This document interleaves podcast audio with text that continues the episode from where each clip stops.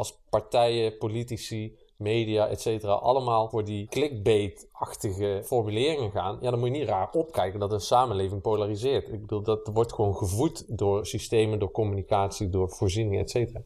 Dus ik vind het ook onze taak als ontwerpers, of hoe je jezelf ook identificeert, om daar dus ook andere principes voor te gebruiken. Hoi en welkom bij een nieuwe podcast van Setup. Dit keer zijn we op zoek naar de invloed van technologie op empathie. Het is geen geheim dat de online afrekencultuur wordt gevoed door de polariserende algoritmen van Big Tech. Als we boos zijn, tweeten, liken en commenten we nu eenmaal veel vaker. En juist stevige standpunten doen het goed online. Maar het effect daarvan is dat realiteiten steeds verder uit elkaar schuiven, discussies uitmonden in modder gooien en dat hele bevolkingsgroepen elkaar online niet meer bereiken. Maar wat als technologie wordt ingezet om het tegenovergestelde te bereiken? Mijn naam is Marissa, begeleider ontwerpend onderzoek bij Setup en in dit project gaan we op zoek naar hoe we een gezonde online discussie kunnen voeren over lastige onderwerpen in verkiezingstijd. Om daarachter te komen deden we een experiment samen met ontwerper Nienke Huitinga, computerwetenschapper en community organizer James Brian Graves en onderzoeker Rudy van Belkom. Welkom allemaal. Dank u. Hallo. Welkom hier aan de virtuele tafel. Ehm, nou, om maar meteen te beginnen. We zitten op dit moment nog in het proces van de formatie van het nieuwe kabinet. Dat is nog in volle gang. Niet zonder slag of stoot gebleken. Wat denken jullie, om maar meteen af te trappen? Komt er een minister van Digitale Zaken in het volgende kabinet? Er is volgens mij wel een pleidooi voor gemaakt. Ik weet niet meer precies door wie, maar ik, eh, ik heb er vooralsnog een hard hoofd in. Maar denk jij, Rudy? Nou, voor de volgende, eh, voor de volgende periode komt er nog geen. Dit, dit, dit is een, een idee en het is nog steeds een concept. Ehm, overigens, uit de resultaten van de technologiekieswijzer blijkt dat, dat eh, veel burgers hier dit wel zien zitten. En daar moet ik er wel bij zeggen, waarschijnlijk veel technology-minded burgers Mhm. die de kieswijzer hebben ingevuld. Dus de meerderheid koos voor een minister van Digitale Zaken om eigenlijk de digitale transitie te begeleiden. Ik heb er zelf eh, wel ook bedenkingen bij, omdat het, heeft voordelen. Maar eh, het heeft ook een interdepartementaal karakter. En dat betekent dat natuurlijk digitalisering niet in één hokje te plaatsen is, maar heeft invloed op onderwijs, heeft invloed op cultuur, op zorg, et cetera. En het gevaar is als je daar één minister voor aansprakelijk stelt, dat deze persoon dan continu de sjaak is. Want als er dan iets misgaat op het gebied van digitalisering, is het verhaal, ja, had de minister van Digitale Zaken maar moeten opletten. Ja, precies. Eh, toeslagenaffaire nummer twee, ja, hallo, dat is niet ons pakje aan, daar hebben we minister voor. Ja, precies. Dus da- daar zitten wel haken en ogen aan. Klopt, zeker iets waarmee rekening gehouden moet worden. Eh, we gaan het vandaag hebben over ons experiment dat we in de aanloop van de Tweede Kamerverkiezingen eh, op 17 maart hebben gedaan. Hierin hebben we mensen online laten discussiëren over stellingen uit de technologie Kieswijzer, ontwikkeld door Rudy. En het algoritme gemaakt door Nienke en James, genaamd Win-Win, heeft hier vervolgens de gedeelde meningen uitgefilterd. En eh, deze combinatie was voor ons eh, allemaal een heel interessante casus. Dus enerzijds de werking van het algoritme in een online discussie en anderzijds de inhoudelijke reacties op stellingen over technologie. En wij zijn heel benieuwd naar de waarde die dit algoritme toevoegt eh, voor het democratisch debat en of het ons ook empathischer maakt. En eh, in dit gesprek gaan we wat eh, verder in op dit experiment. Ik zou graag willen beginnen bij Nienke en James over het win-win algoritme. Maar allereerst, eh Nienke en James, stel jullie zelf even voor. Wie zijn jullie en wat doen jullie? Ja, natuurlijk. Ik ben Nienke Huitinga, ontwerper of ook wel immersive designer. Ik werk veel met nieuwe technologie om ja, ervaringen te maken die ons de wereld net op een andere manier laten bekijken. Dus produceer virtual reality tot interactieve ervaringen zoals Win-Win. Eh, ik ben ook heel erg geïnteresseerd in de ervaring zo te maken dat we sociaal samen zijn of echt met elkaar van doen hebben. Dus het kan voor mij alle kanten op gaan. Ik heb James ontmoet drie jaar geleden eh, bij de laatste Sandberg Masterclass. En zijn we gaan nadenken over ja, dat gekke fenomeen dat democratie belangrijk is, maar heel ongrijpbaar om te ervaren. En aan de andere kant we een digitale cultuur hebben die ons helemaal eigenlijk aan het masseren is om uh, gladgestreken meningen te delen en uh, reacties te ontlokken. Mm -hmm. Maar ik, uh, I want to give the word to James. Mm -hmm. So, um, James, introduce yourself. Yes, James, go ahead. Yeah, as Marissa said at the beginning, I'm, I'm a trained computer scientist and accidental community organizer. Uh, I I think I, I'm really busy with the idea of uh, the kind of impact that technology can have in uh, communities. So I think win win is definitely uh, a reflection of that part of my practice. And I think, as Nika already said, we we met during the Sunberg Masterclass, uh, and I think what was unique about our approach in that case uh, was it was really important to us to not only conceptualize uh, what was happening in the world, so looking a little bit about online discourse and the polarization that's been happening there recently, especially uh, rolling out of 2016, 2017, uh, what was happening with Brexit, what was happening in the United States and then thinking about uh, is there something we can do uh, with technology and not just conceptualizing about it but really executing in, uh, as makers uh, in that space so during the time in that masterclass we really wanted to uh, experiment with building technology uh, and then to embed that technology into moments with, with actual people and, and the manifestation that, of that was the win-win project yeah heel interessant. Thanks, James. I'm going to ask you questions uh, in Dutch. You can answer in English if that's okay for you. Jullie hebben Win-Win uh, ontwikkeld. Kunnen jullie kort uitleggen wat Win-Win precies inhoudt en waarom jullie het hebben uh, ontwikkeld? Um, waarom wij Win-Win hebben ontwikkeld heeft te maken met eigenlijk een uh, vrij filosofisch gesprek dat James en ik hadden over het tijdperk van informatie. op de, basis, of de middelbare school werd ik daar als tiener al mee geconfronteerd. Hè, uh, informatie heeft de toekomst en uh, je kan alles opzoeken en dat is helemaal geweldig. Dus we leven in een soort van samenleving waar alleen maar meer en meer en meer en meer en meer en meer informatie beschikbaar komt. Uh, maar dat uitdijende effect van wat het internet ons brengt, levert eigenlijk ook wel wat problemen op. We kunnen het niet, eigenlijk niet meer verwerken. Dus we ja, we hebben aanvullende technologie nodig om uh, te helpen kiezen, om wegwijs te worden, et cetera. En uh, ik denk dat we de afgelopen paar jaar zien dat om houvast te, uh, te hebben, ook in een maatschappij of in een democratie, proberen we hulp te zoeken bij algoritmes of andere systemen die het een beetje bevatbaar maken. Maar het effect daarvan is ja, alle goede gewoontes die we ook hebben als mens, die laten we ook een beetje achter ons. Dus we besteden heel veel uit mm aan digitale systemen. En soms is dat geweldig, uh, maar het kan ook erg fout gaan. En uh, dat, ik, ik hoop dat de piek is dat we Trump aan de macht hebben zien komen. dus democratie totaal in de spagaat, ook uh, door beïnvloeding via social media of ja. hoe campagnes zijn opgekocht en hoe gesprekken worden beïnvloed. Ja, de onder het Cambridge Analytica-schandaal. Ja, exact. En um, James en ik hadden een goed gesprek over... zou je ook iets terug kunnen winnen door de menselijkheid weer voorop te zetten... maar toch ook het goede van digitale systemen te gebruiken? Ja, dat was onze vraag. Ja. James, kun je dat toelichten? Yeah, uh, I mean, as Nika already uh, alluded to, I think our belief uh, as we launched into this project is that data in and of itself is very anthropic, meaning it's subject to entropy, which means it's only increasing, it's only going to increase, there's only going to be more information.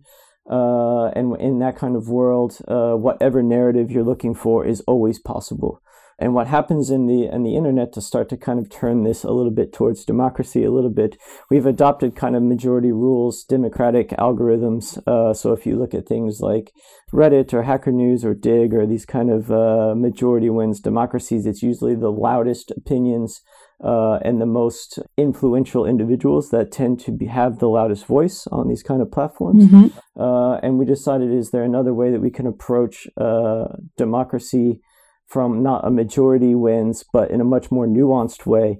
And then we started to investigate the idea of consensus. So uh, consensus as a mechanism to to bring light to more nuanced views in in conversation.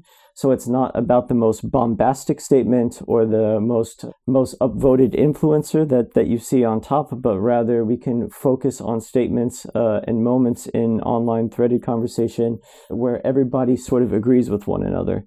Uh, so then the statements kind of take the front of the stage, and not necessarily the uh, the views of per- certain political parties or certain individuals. Uh, also, consensus has an interesting place in technology. I think even there are, there are consensus algorithms that run in data centers that ensure that the state of the system is agreed upon uh, with machines. Uh, so, gr- drawing a little bit from that influence as well, we thought an algorithmically guided consensus exper- experiment would be an extremely interesting way to look for nuance in these conversations. Yeah, interesting. Very interesting. So, how does this take form for your experiment? Hoe heeft dit uiteindelijk vorm gekregen in jullie uh, experiment? Um, Win-win. Uh, het is eigenlijk een heel simpel gegeven. Win-win moet opleveren een reeks uh, misschien kleinere meningen waar een groep achter zich kan scharen, uh, waar je achter kan staan. Dus je werkt met win-win aan een stelling of een, een, vraagstuk waarvan je weet dit ligt lastig of gevoelig. daar wil je eens een keer op een andere manier ja, een inzicht op hebben. En we brengen mensen dan in een klein debat waarbij een algoritme scheidsrechter speelt. Mm -hmm. Dus we willen garanderen dat het gesprek door de mens wordt gevoerd en dat het algoritme helpt eigenlijk het kaf van het koren te scheiden, zodat of het nou kleinere opmerkingen zijn of grotere inzichten, dat wat de groep belangrijk vindt, ja, dat zet hij apart, slaat hij op als een hier heeft de groep zich unaniem over uitgesproken. En dat kan zijn, je bent het met z'n allen hierover eens. Of het kan zijn, dit is iets wat we echt niet willen. Ben je het over oneens. Maar als iedereen die kant kiest, dan is dat ook een moment van consensus. Ja, precies. Dus zowel het eens zijn als het oneens zijn is consensus. Ja. En uh, oorspronkelijk was dit een offline ervaring natuurlijk. Jullie offline live experiment is eigenlijk omgebouwd voor dit experiment naar een online ervaring. Kun je misschien iets meer toelichten hoe dat hoe dat platform in elkaar steekt en, en hoe dat dan gaat, dat deelnemers ook kunnen stemmen en reageren. Ja, dus de, de basis is hetzelfde. Ja. We hebben het als een live event vormgegeven, omdat we het belangrijk vinden dat uh, mensen zich verbinden aan, zeg je dat, uh, meedoen aan een gesprek in persoon. Want in onze digitale spaces is het heel makkelijk om een beetje ergens bij te hangen en uh, niet helemaal mee te doen. Dus we vonden het heel belangrijk. Als je meedoet aan een debat, dan ben je er bijna in een soort van de. de op de zeer ouderwetse Griekse manier. In de oudheid. Je bent onderdeel van een forum, dus je bent er. Je doet Ja. mee. Dat ging uh, niet meer, omdat deze pandemie was gestart vorig jaar. Mhm. En het online platform ja, heeft eigenlijk dezelfde algoritmische basis. Het algoritme doet nog steeds hetzelfde. Die houdt eigenlijk bij waar mensen zich achter willen scharen. Dus je logt in op een vrij simpel browsertje, uh, platform. Waarbij je aan de ene kant een stelling ziet staan. Aan de andere kant een reactie kan geven. Ik denk als je daarnaar kijkt dat het niet heel erg anders is dan een kieswijzer. Ik bedoel, je hebt aan de voorkant niet door hoe het aan de achterkant werkt. Maar dat vertellen we wel graag. Als je gewoon online meedoet, we vragen je een stem te geven. Dus bijvoorbeeld, we hadden een, een stelling met Rudy gekozen over macht. Ja. Bijvoorbeeld, de, de overheid hoeft zich niet te bemoeien met de rol en de macht die grote techbedrijven in onze markt hebben. Dan laat je weten, ben ik het daarmee eens of oneens. Dat kan gewoon vanuit je eigen kennis, je eigen ervaring zijn. En dan geef je een toelichting waarom je dat gekozen hebt. En het interessante wat ons algoritme dan van je wil weten is, hoe reageer je op die toelichting? En als de hele groep dat doet, dan krijg je een heel mooi resultaat waarbij de onderliggende overtuigingen, meningen, kennis komt langzaam bovendrijven. En wij vinden het eigenlijk belangrijker dat dat zichtbaar wordt dan een soort van totaalconclusie. Ja, precies. Dus je kan dan op een hoofdstelling die wij samen hadden geformuleerd over in dit geval macht, krijg je twee buttons. Je kan het mee eens zijn of mee oneens zijn. En vervolgens heb je de ruimte om daar zelf nog een toelichting bij te tikken en die te delen, allemaal anoniem. Waarop vervolgens ook iedereen weer kan zeggen, hier ben ik het mee eens en oneens. En weer kan reageren. Ja. Dan is er op een gegeven moment dus consensus gevonden door het algoritme. En dat werd ook meteen zichtbaar. Ja, het algoritme markeert meteen wat uh, draagvlak heeft. Precies, ja. Maar er is nog iets interessants wat James uh, met dit platform heeft gedaan. Oh yes, de mining. Maar ik denk dat het handig is als James dat zelf uitlegt, want dat kan hij heel mooi vertellen. Yeah, sure. I mean, I think you said the uh, said at the beginning, I mean, effectively, the underlying uh, algorithms are the same. I want to say one thing about the algorithms. I think algorithms tend to have a very scary connotation to people, uh, but in this case, there's no uh, artificial intelligence involved in the algorithm. That we're not doing any kind of natural language processing or sentiment analysis and then steering people to to make comments on anything. In fact, the the idea that we're using uh, agree or disagree is not uh, is not typical in a consensus process, but is is there strictly in in our process uh, because it is algorithmically generated. The only statement that the is not created by the participants itself is the first one, which is agreed upon ahead of time, and then every statement that arrives later in the process is generated by participants. There is no uh, statement which is generated by the algorithm. The algorithm simply looks for and takes notice of moments of consensus in the process. Uh, when we switched to the online version, we did experiment with a, uh, a blockchain based technology. I know there's also quite a lot of skepticism uh, around blockchain. There are specific reasons why we thought this was something interesting to investigate. Uh, namely, one, it's immutable uh, data source. So I think in the context of discussions about democracy and voting, uh, having a database which cannot be retroactively changed, meaning you can never go back in time uh, and adjust the vote. Uh, and it can only kind of propagate forward, ensures a uh, resilience to the to the voting history that's not present in traditional uh, database systems. Two, there's a amount of currency necessary to execute each vote, so it becomes very difficult to either troll or spam the system or stuff the ballot box in such in a way. And uh, in th- three, I think having a little bit of a currency based system allows you to think a little bit uh, careful about how you interact the system as each comment, each click that you do uh, lowers your currency by just a little bit. Uh, so again, it keeps you from spamming, but also keeps you from putting comments there that maybe are of little value. So it was an experiment. Uh, knowing we were going into this online world, uh, we thought we would expand our research beyond just looking at uh, the algorithm in the consensus uh, space, but then also executing uh, what technology's role can be in an online voting system. Yeah, so this is all to make the voting itself more solid and less uh, yes. open for fraud or interchanging. Exactly. Ja, nice. Exactly.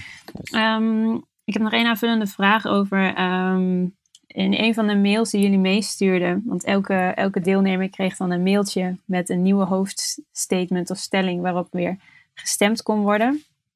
Een, een van die mails schreven jullie: Het win-win algoritme is niet slim of dynamisch. Het leunt op jullie menselijkheid en welwillendheid positie in te nemen. Ik vond het zelf een mooi stukje. Kunnen jullie dat heel kort uitleggen? ik denk, um, we omschrijven het graag zo omdat. Ik denk dat ik hier een andere inspirationele quote tegenover kan zeggen. Um, People are the killer app of the internet.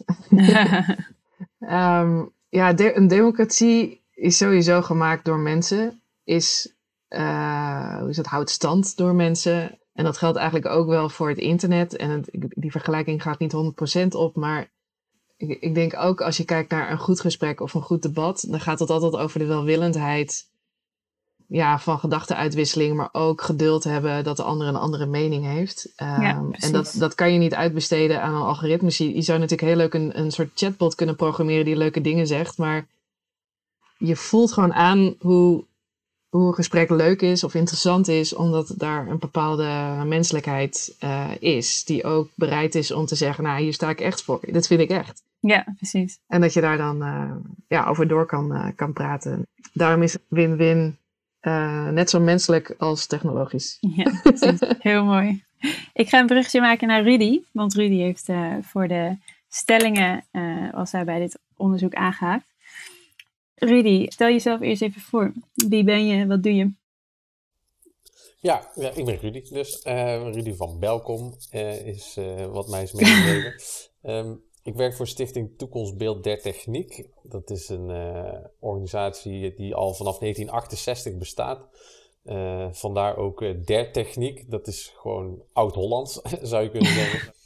Ehm, dat is ontstaan vanuit de behoefte dat, uh, was in de jaren 60 zag je in, in de Verenigde Staten van die zogenaamde foresight agencies uh, ontstaan. En uh, ja, er was behoefte om dat in Nederland ook een vergelijkbare organisatie te hebben. Dus een organisatie die ook vooruit kijkt. En dat is dus STT geworden. Ik werk er nu twee jaar als onderzoeker Um, ik heb hiervoor onderzoek gedaan naar de impact van artificiële intelligentie op de toekomst van besluitvorming. Mm -hmm. nou, dat heeft ook nogal wat haakjes natuurlijk met wat, waar we het vandaag over hebben. Ja, zeker. Um, en recent, of ja, inmiddels alweer een half jaar geleden gestart met een onderzoek naar de impact van technologie op de democratie. En in, ja, in het kader van het onderzoek heb ik de technologiekieswijze ontwikkeld. Een stemhulp die zich specifiek richt op um, ja, standpunten die gaan over technologie. En dan niet per se over techniek, maar over de impact van technologie op onze samenleving. Dus het gaat eigenlijk over meer democratische waarden als veiligheid, privacy, zelfbeschikking, et cetera. Um, en ja, we zijn eigenlijk uh, al in deze driehoek met elkaar in contact gekomen, omdat ik nou ja, het win-win experiment en samen met Setup um, vond ik het heel erg interessant om te kijken, ja, kunnen we die nou, toch meer kwantitatieve vraagstellingen uit die technologiekieswijze kunnen we ook eens kijken wat daarachter zit. Hè? Want als we het toch over uh, consensus hebben, waar het in de politiek, maar misschien maatschappij breed ook wel een beetje misgaat vaak, is dat een debat suggereert al dat er uh, voor- en tegenstanders zijn. Dus dan maak je het al binair. Um, ja, zeker. Wat dan vervolgens gebeurt is dat mensen vanuit hun standpunt, hè, het standpunt wat ze hebben, gaan verdedigen.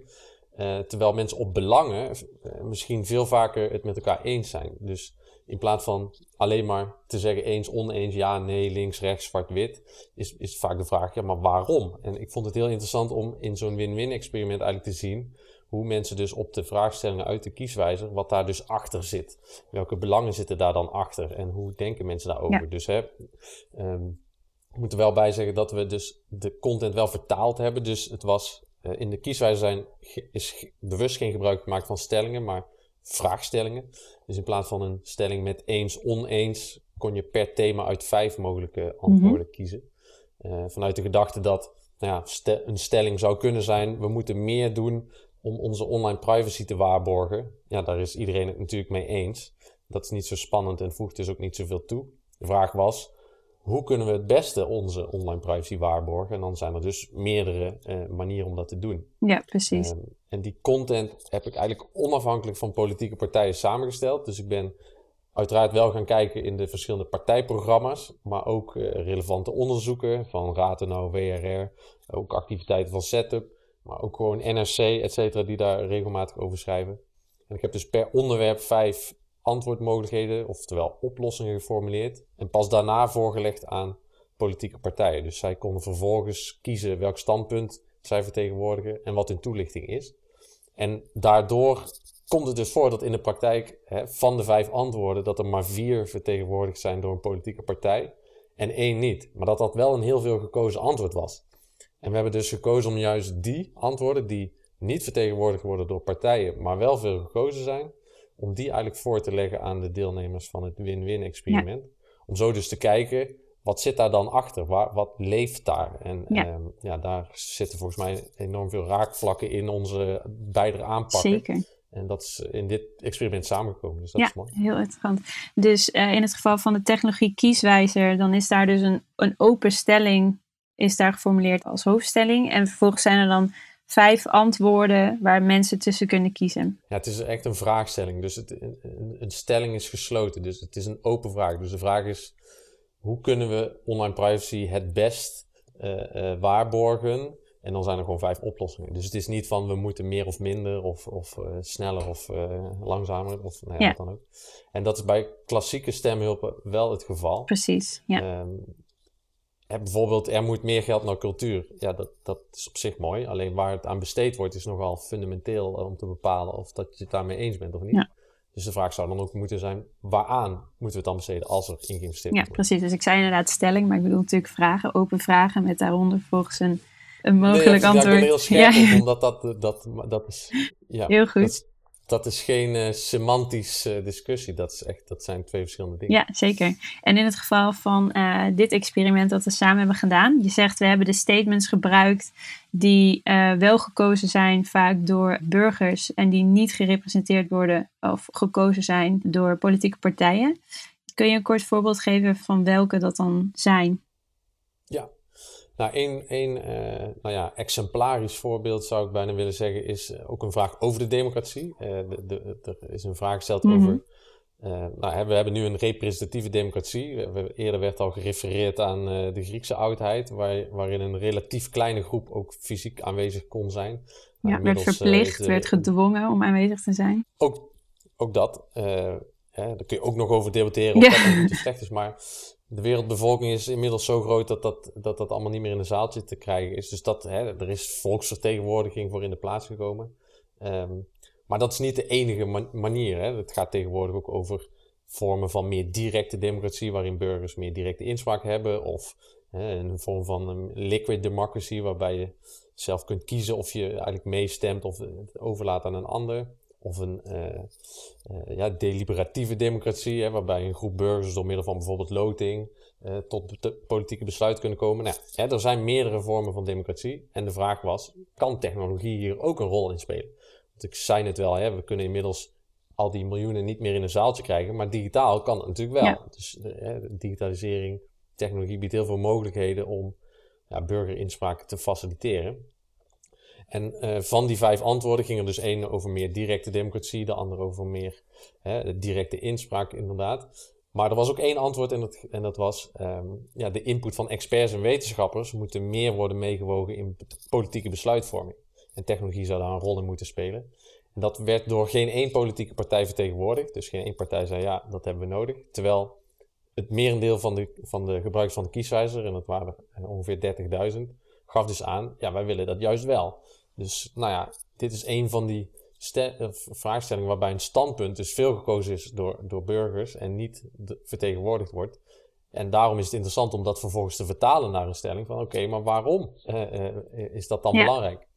Uh, en dat, ja, dat heeft, heeft dit win-win experiment ook dus ook mogelijk gemaakt om, dat te, te, ja, op da om daarop te oriënteren. Ja, en te toetsen ook, kijken wat er aan kwalitatieve data uitkomt.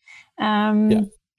Ik heb hier ook het lijstje voor me. Een van de voorbeelden is ook inderdaad over macht. Die luidt als volgt: De overheid hoeft zich niet te bemoeien met de rol en de macht die grote techbedrijven in onze markt hebben. Nou, dit is dus een voorbeeld van iets wat uit de technologie kieswijzer komt. Maar die stellingen moesten nog wel wat worden aangepast om te passen binnen dit uh, ons experiment. Wat volgens mij ook nog wel tot interessante discussie heeft geleid. Kunnen jullie iets meer toelichten hoe dat ging, hoe dat herformuleren, hoe dat is gegaan? Welke vragen daarbij naar boven kwamen? Ja, nee, we zijn uh, Rudy ontzettend dankbaar voor het geduld om ook aan zijn uh, zeer kundig geschreven, genuanceerde, open vragen te mogen peuteren. ja, wat wij. We zijn met Win-Win in die zin al een tijdje bezig dat we veel, ja, veel kleine tests hebben kunnen doen. En op die momenten gaven onze testgebruikers veel terug het is fijn om er ergens tegenaf te kunnen zetten of dat ik ergens op kan reageren. En aan de andere kant, dat moet ook niet te scherp gesteld zijn. Dus ze zijn ook heel erg blij met nuance. Maar alles heel genuanceerd aan ze voorleggen. Uh, we zagen wat er, wat er dan gebeurt, is dat ze heel erg na gaan denken. En dan willen ze ook heel genuanceerd reageren. Wat een beetje, ja, in het geval van win-win als uh, uh, hoe zeg je dat, een uh, interactieve digitale ervaring. Ja, het is niet de bedoeling dat je een essay gaat schrijven. Eigenlijk willen we een menselijke reactie die je wel zeg maar in, in twee zinnen of drie zinnen zou kunnen, kunnen geven. Dus wat we hebben gedaan met Rudy, uh, de hele mooie open vraag, die hebben we meer tot stelling omgebouwd. Dus in plaats van een hoe kun je, hebben we er meer een, ja, een, een, stellig, een stellig statement van proberen te maken. Um, en dat, dat past in die zin ook een, een beetje bij het karakter van een debat. Dan is er altijd gewoon een, mm-hmm. een gegeven stelling in plaats van vraagstelling. Dus het voorbeeld wat Rudy ook net noemde over de democratie en hoe zou technologie daar een rol in kunnen spelen, die hebben we omgevormd tot als we de input van experts en wetenschappers niet vaker meewegen in politieke besluiten, dan krijgen we nooit het wenselijke resultaat in de nabije toekomst rondom complexe problemen. Dat is even de korte versie. Hij is ietsje langer. Ja. uh, met als staartje kan technologie hier een rol in spelen. Um, ja, en dan niet een vraag, maar echt een, een stelling. Want ja. technologie kan hier een rol in spelen. Exact, ja. Dus uh, daar, het was denk ik uh, voor ons ook een leerproces. Uh, we willen wegblijven van sensatiegerichte formuleringen. Aan de andere kant wil je recht doen aan ja, de mooie gedachtegang. Maar het is voor ons nog steeds een zoektocht. Dus ja. ja. Ja, hoe was dat voor jou, Rudy? Nou, dat was dat, dat, dat je suggereerde dat ik dat heel erg vond, maar dat viel reuze mee. Maar dat komt met name door de het lijkt op een soort compromis, maar in het begin was het voor mij gewoon, ben ik er vrij stellig in geweest. Heel stellig, haha. Um, ik kom niet aan de nuance in die zin, mhm. hè, want dat is, daar, daar heb ik veel uh, aan gewerkt om dat, om dat te voorkomen dat het platgeslagen wordt. En zeker als het gaat om onderwerpen als technologie, ja, dat, dat kun je niet platslaan tot een stelling, omdat, dat, omdat de realiteit veel complexer is. En uh, keuzes hebben weer gevolgen, et cetera. En je wil eigenlijk zo genuanceerd mogelijk zijn. Maar door de besproken aanpak, namelijk we kiezen één van die vijf antwoordmogelijkheden uit en vertalen die naar een stelling. Kijk, dan kan het weer wel. Dus het is niet zo dat mijn vraagstelling vertaald is naar een, naar een stelling. Het is een van, de, een van de vijf antwoordmogelijkheden is eruit gepakt. Ah, ja, en die is vertaald naar een stelling. Dus dat maakt, natuurlijk wel een, dat maakt voor mij wel een groot verschil. Dus, dus dat, daardoor is er niet gemorreld aan de nuance, maar is juist verdieping op een van die genuanceerde antwoorden gezocht. En dan is inderdaad een stelling, werkt dan beter om mensen aan te zetten. Hè. Het is ook een andere vorm, een kieswijzer en het experiment zijn ook niet direct vergelijkbaar in die zin. Uh, het is niet bedoeld om een partijkeuze te maken, het is bedoeld om, om mensen te prikkelen. En dan kunnen stellingen heel goed werken. dus ik ben ook, uh, nu lijkt een beetje anti-stelling. dat is niet per se altijd waar. Nee, dit... dit ligt eraan welk doel heeft het. En, en in het geval van mensen het is een, het is een discussiestarter. En dan is het prima. Ja, uh, omdat er in win-win wel ruimte is voor nuance om, om het genuanceerde debat met elkaar te voeren. In een kieswijzer is er dat niet. Dus moet je dat, naar mijn mening, uh, faciliteren. Uh, ja. Dat is denk ik wel een groot verschil. En daarom werkt het in, in zo'n experiment juist heel goed.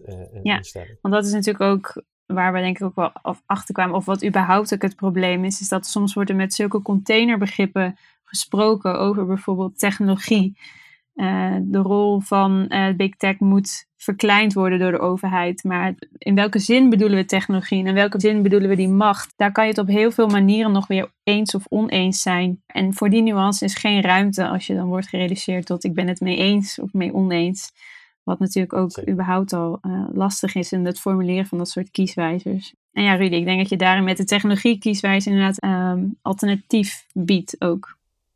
Ja, en, tweeledig wat mij betreft. Dus in de, in de, de, de stemwijzer is zeg maar van ProDemos, dat is de meest gebruikte stemhulp in Nederland. En, eh, volgens mij hadden dit jaar zelfs een record van bijna 9 miljoen gebruikers. Um, ja, die heeft en stellingen, nou ja, dat, dat, maar dat is, dat is misschien nog smaak, maar niet één ging er over digitalisering of technologie. Precies, dus ja. dat laat ook wel meteen zien wat de huidige stand van zaken is. 30 stellingen en niet één ging over digitalisering. Ja. Uh, en wat James ook zegt, ja, er, er is als het gaat om technologie, nu eenmaal een bepaald frame wat vaak dominant is. En, en, en nou laten we zeggen twee frames. Of het is een utopische halleluja uh, bejubeling van het gaat uh, de wereld redden en alle wereldproblematieken oplossen. Of het is de dystopie van het is eng en het, het, het, het, zet ons buiten spel en de robots nemen het over. Ja, daar zit nog, daar zit nog zoveel tussen. En een algoritme heeft ook, wat, wat James dus terecht zegt, een soort van connotatie van, oh ja, die zal dus wel achter de schermen ons beïnvloeden en sturen, et cetera. Maar dat, dat zijn menselijke keuzes. Mm -hmm. de toeslagaffaire vind ik daarin altijd zo, zo schrijnend en, en exemplarisch tegelijkertijd. uiteindelijk in de discussie gaat het vaak over bestuurlijke fouten, maar heel zelden over de systemen die daarachter zitten en hoe die zijn ingericht en welke keuzes daar zijn gemaakt. Ja, en als je bijvoorbeeld een dubbele nationaliteit als parameter uh, aangeeft van dat, dat maakt of iemand uh, ja, wel of geen uh, mogelijke fraudeur is, ja, dan ja, dat is geen rocket science om dan te weten dat dat misgaat en dat mensen dus benadeeld worden. dus het, zijn gewoon, het gaat heel erg over de keuzes. En ja, het is ook populair om te zeggen, bijvoorbeeld in de Tweede Kamer, hè, politici hebben te weinig kennis over digitale zaken en ICT. Ik wil het niet helemaal tegenspreken, maar hè, bijvoorbeeld Grapperhaus die encryptie wil afzwakken. Ik vraag me af of hij daadwerkelijk niet snapt wat hij doet, omdat hij te weinig kennis heeft, of omdat hij gewoon andere belangen heeft en op basis van die belangen keuzes maakt. Dus we kunnen heel makkelijk zeggen, ze hebben er geen verstand van, maar ik durf dat toch te betwijfelen. Uh, dat het veel meer gaat over welke keuzes maken we ermee. Dus dat gesprek, en dat is denk ik een gemeenschappelijk doel wat, wat Nienke, James en ik zelf ook wel hebben en Setup uh, volgens mij ook, is gewoon een, een gezonde uh, discussie daarover voeren. En, en niet vanuit één frame, maar gewoon alle kanten bekijken. Ja. En dat, ja, als dat tot consensus leidt, is het natuurlijk helemaal mooi. Maar alleen het gesprek en wat er, het proces, ja. Ja. Ja, dat is denk ik ook in het geval van keuzes maken. Daarin is wat wij als setup zijn ook heel interessant vonden. Is we kiezen met dit experiment om niet polarisatie, maar consensus als ontwerp startpunt te nemen. En dan kijken wat er op die manier uitkomt. Ja, wij zijn ook wel benieuwd naar het verdwijnen van de nuance in dat politieke debat. En welke rol technologie daarin speelt. En welke gevolgen dit allemaal kan hebben voor de democratie. We weten allemaal hoe algoritmisch gereguleerde content uh, tot informatiebubbels kan leiden. En die inmiddels ook wel hele concrete gevolgen hebben voor de democratie. In bijvoorbeeld de bestorming van het kapitool afgelopen januari. Uh, dat zijn toch dingen waarvan we denken, ja, kunnen we niet op een andere manier dat politieke debat inrichten en welke ontwerpkeuzes maken we dan? Um, wij zijn ook heel erg benieuwd naar hoe gedraag je je dan op zo'n platform. Zeker ook wel op online fora.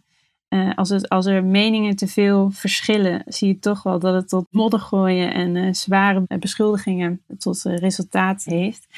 Nienke James, ons experiment was natuurlijk een hele anonieme online ervaring. Daar hebben we bewust voor gekozen, die anonimiteit. Um, nou ja, als je mij vraagt, is dat wel de context voor online modder gooien.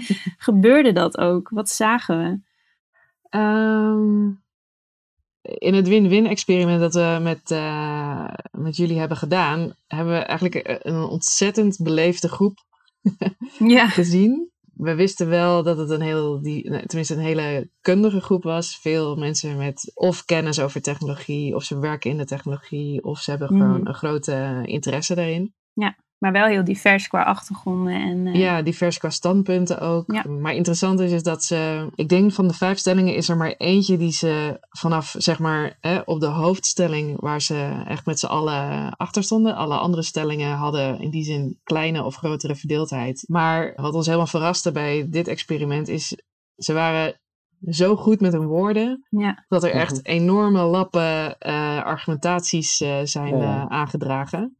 Eh, maar ja, normaal gesproken zou je denken, eh dan ontstaat er wel een heftige discussie. Maar ik, is, wat ze eigenlijk met elkaar hebben gecreëerd is ja, een enorme mooie lappendeken van allerlei eh, opties en alternatieven die, ja, waar ze met elkaar wel door één, door één deur kunnen. Ja.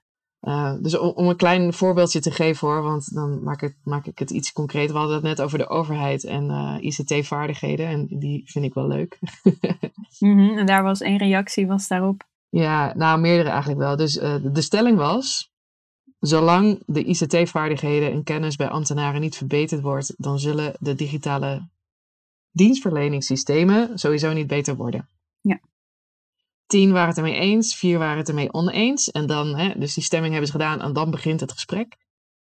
Eh, ze hebben elkaar helemaal gevonden in het feit dat we een soort onbewust onbekwame overheid hebben. Waar Rudy net filosofeerde of Grapperhaus het nou eigenlijk echt niet weet of stiekem gewoon andere belangen heeft. Deze groep heeft het idee. Ze, ze, ze hebben gewoon geen, geen idee. Ze zijn heel onbekwaam en ze hebben het ook niet eens door dat ze er gewoon geen snars van kunnen. Ja, dus de groep bevond dat onze overheid onbekwaam was. Ja, dus het, ehm, de hoofdstelling heeft er in die zin toe geleid dat ze, of je het nou links of rechtsom oplost, dat het centrale ding wat getackeld moet worden is dat er een bepaalde onbekwaamheid opgelost moet worden. En of dat nou gaat met slimme, slimme technologiebedrijven inzetten als een soort van hulpverlening in deze onbekwaamheid of laten we zeggen op cursus sturen, eh, daar, daar is deze groep niet, niet helemaal uitgekomen.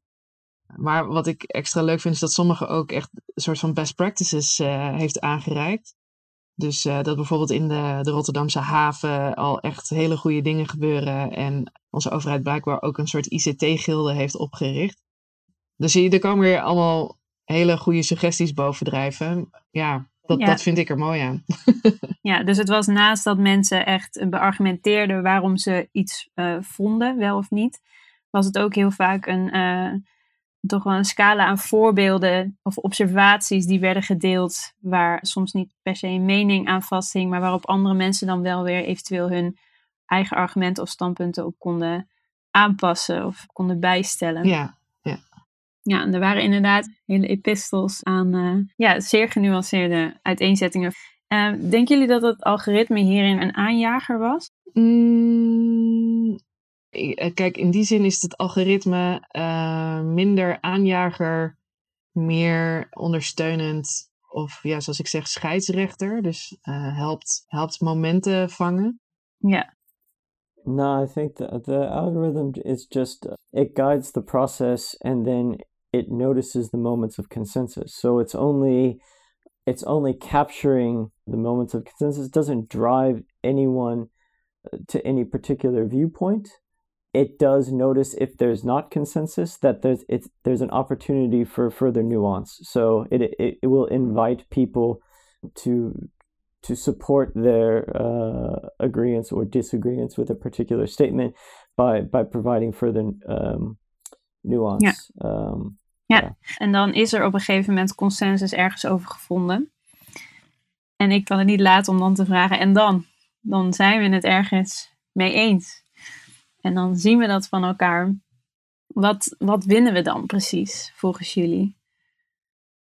Ja, wat kunnen we daarmee? En, en wat verliezen we eventueel ook uit het oog? Als we dan vooral weten waar we een soort gedeelde mening en een shared reality hebben.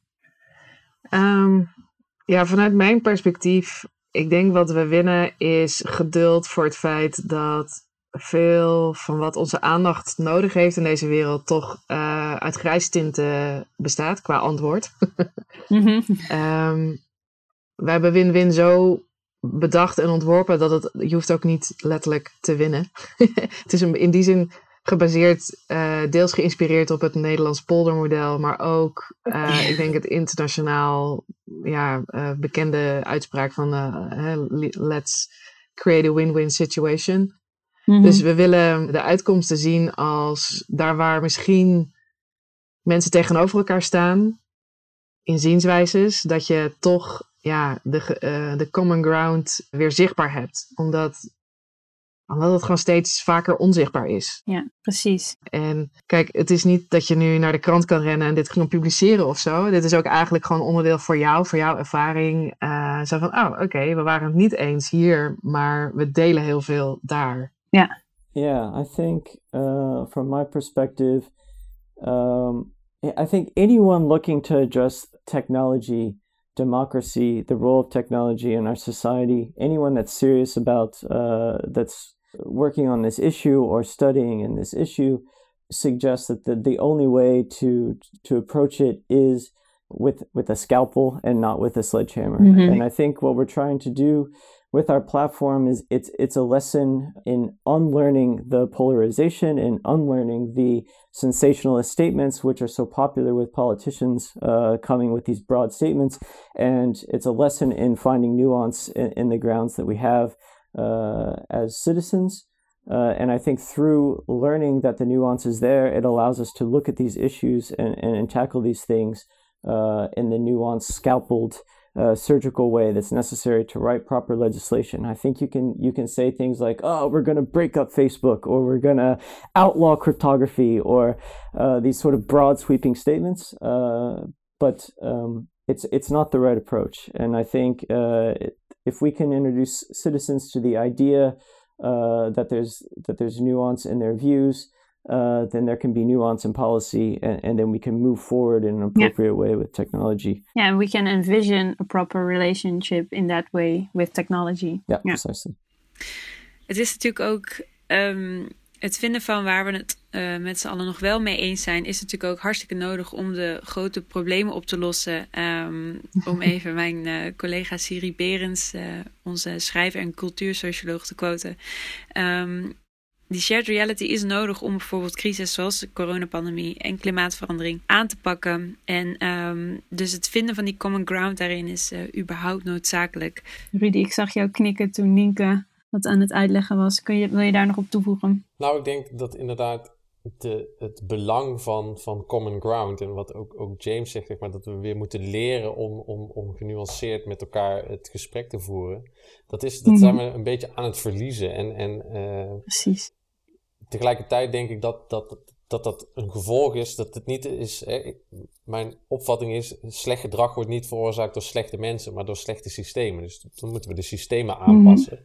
Eh, en, en ook technologie is een systeem en dat is een ontwerpkeuze. Dus, dus we kunnen het ook anders ontwerpen en dat resulteert dan ook in ander gedrag. En dat is niet eh, met een vingertje wijzen zo van jullie moeten weer eh, leren. Maar ik denk gewoon dat, dat als technologie er nu aan bijdraagt dat de verschillen worden vergroot, dan, dan is het ook denkbaar dat technologie die verschillen weer verkleint. En zo'n win-win experiment is daar gewoon een eerste verkenning van. En ik denk dat dit soort verkenningen gewoon veel vaker gedaan moeten worden.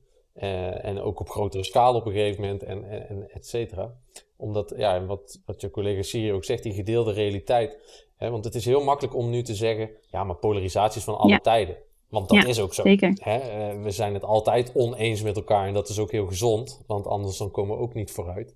Eh, alleen een heel groot verschil volgens mij is, is dat we het vroeger, en dan heb ik het over eh, twee jaar terug ongeveer, waar we het ook eh, oneens met elkaar had je ook gewoon links, rechts, zwart, wit dat, dat, en ging ook hard tegen hard. Maar toen waren we het oneens over de beste oplossing. Dus hè, eh, Mhm. er is een probleem en we zoeken een oplossing, maar daarover is veel verdeeldheid. Nou, oké, dat, is, eh, dat is bekend.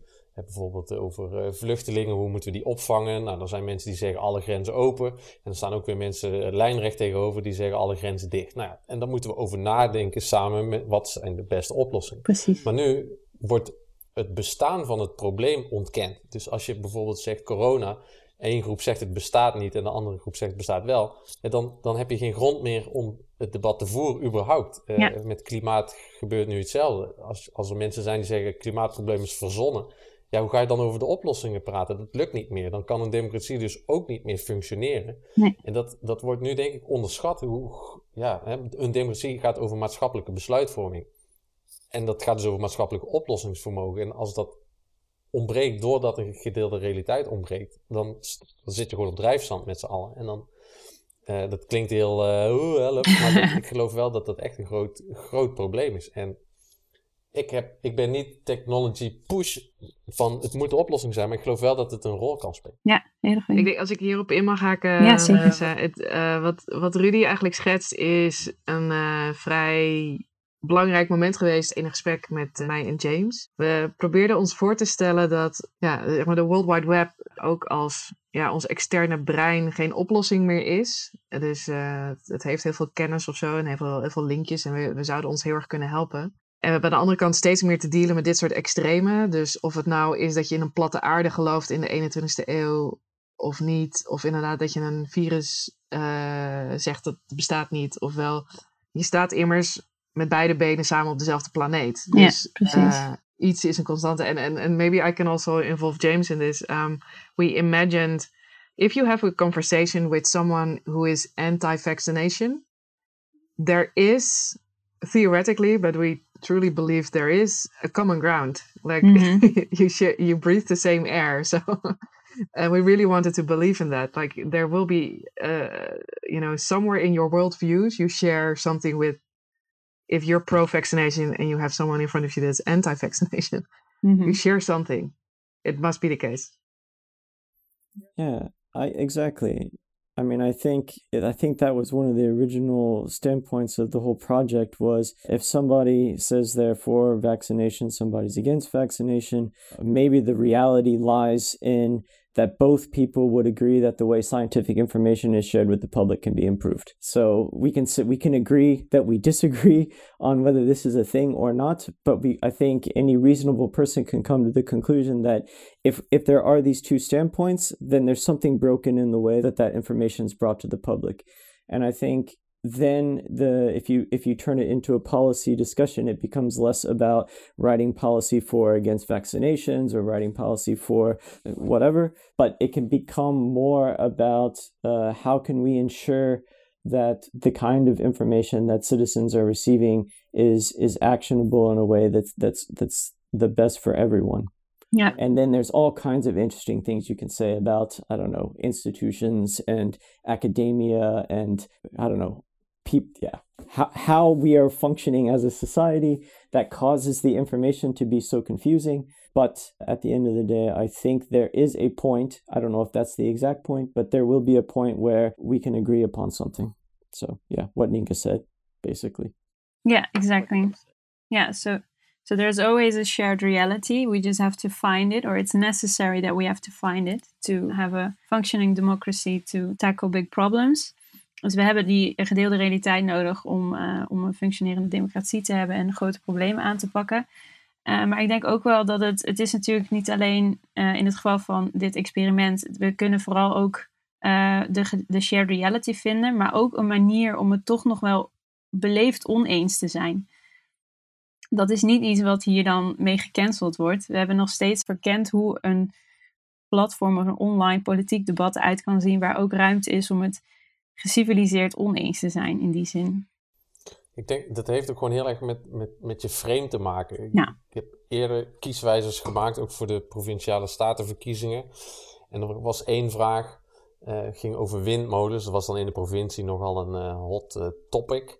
En als je dat als stelling formuleert, er moeten meer windmolens worden gebouwd, eens of oneens, dan zijn er dus heel veel mensen die voor oneens kiezen. Niet omdat ze tegen windmolens zijn, maar omdat ze dat ding niet in hun achtertuin Ja. willen. Dus hè, om maar zeker te zijn dat ze niet in hun achtertuin komen, zijn ze het oneens. Terwijl ja, per definitie vraagt, oneens. Waar kunnen we... Precies, per definitie. Want hè, stel je voor dat ze in mijn achtertuin komen, dus oneens. Terwijl als je vraagt waar kunnen we ze het best plaatsen... en je geeft vijf antwoordmogelijkheden waarbij er nog steeds één is... nou, ik wil niet dat ze worden bijgeplaatst, want er zijn andere alternatieven... dan zie je dus dat mensen veel genuanceerder ook gaan reageren. Dus als je genuanceerde opties geeft... dan zullen mensen ook genuanceerder reageren. Dus het is ook allemaal met, heeft ook allemaal met framing, met voeding te maken. Dus als partijen, politici media, et cetera, allemaal voor die clickbait-achtige formuleringen gaan, ja, dan moet je niet raar opkijken dat een samenleving polariseert. Ik bedoel, dat wordt gewoon gevoed door systemen, door communicatie, door voorzieningen, et cetera. Ja. Dus ik vind het ook onze taak als ontwerpers, of hoe je jezelf ook identificeert, om daar dus ook andere principes voor te gebruiken. Ja, zou je dat ook de voorwaarden vinden, hoe bijvoorbeeld zo'n nieuwe eh, democratische online arena eh, moet worden vormgegeven?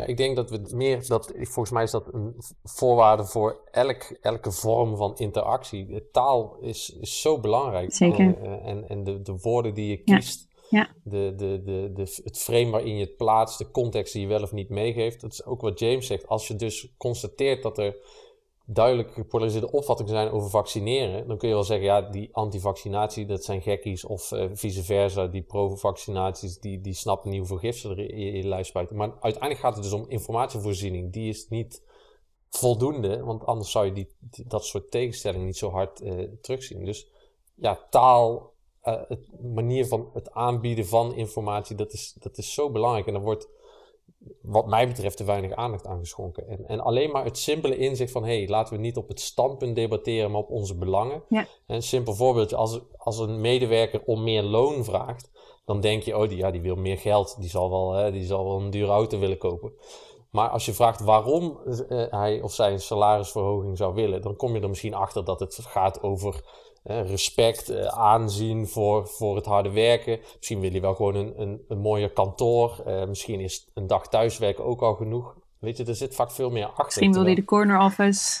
nou ja, bijvoorbeeld omdat de collega eh, onlangs eh, promotie heeft gemaakt eh, en hij of zij niet. Nou ja, weet ik veel. Maar er zit vaak meer achter dan gewoon sec. Ik weer meer, meer pegels, zeg maar. Er is meer, eh, er zijn vaak Ja, hele andere Ik belangen. denk dat niemand meer zijn salarisonderhandeling ingaat met ik wil thuiswerken. nee, nee, nee, nee. Het argument werkt niet helemaal meer. Ja, ja, ja. Wat, wat ik heel erg eh, een eye-opener vind, zeker nu we eh, nog, eh, nog steeds in een pandemie zitten, is het wantrouwen dat ontstaan is over of een soort van de grote kritieke massa wel een zinnig antwoord heeft op een vraag of zo. Dus dat je eigenlijk je, je maatschappij, je samenleving niet meer kan raadplegen, ook voor zinnige antwoorden. Hm. Dat heeft deels denk ik te maken met technologie en hoe we dat gebruiken. En dat we dat, dat het allemaal met een klik Ja. eh, opgehaald moet zijn. Eh, en aan de andere kant eh, het, het ongeduld of zo. Het ongeduld om ja, ook niet de, de nuance te willen, te willen vatten of te willen pakken of zo. Dat, ja. Nee, klopt. Zeker.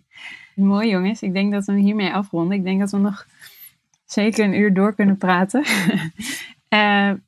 Dank jullie wel voor dit gesprek. Dank jullie wel voor dit hele interessante experiment samen. Ik denk dat we een paar hele mooie inzichten hebben gedaan ehm, over de waarde van het eens zijn, het oneens zijn, waarom gedeelde realiteit belangrijk is en ehm, hoe technologie ons kan helpen om dit beter te herkennen en te vinden.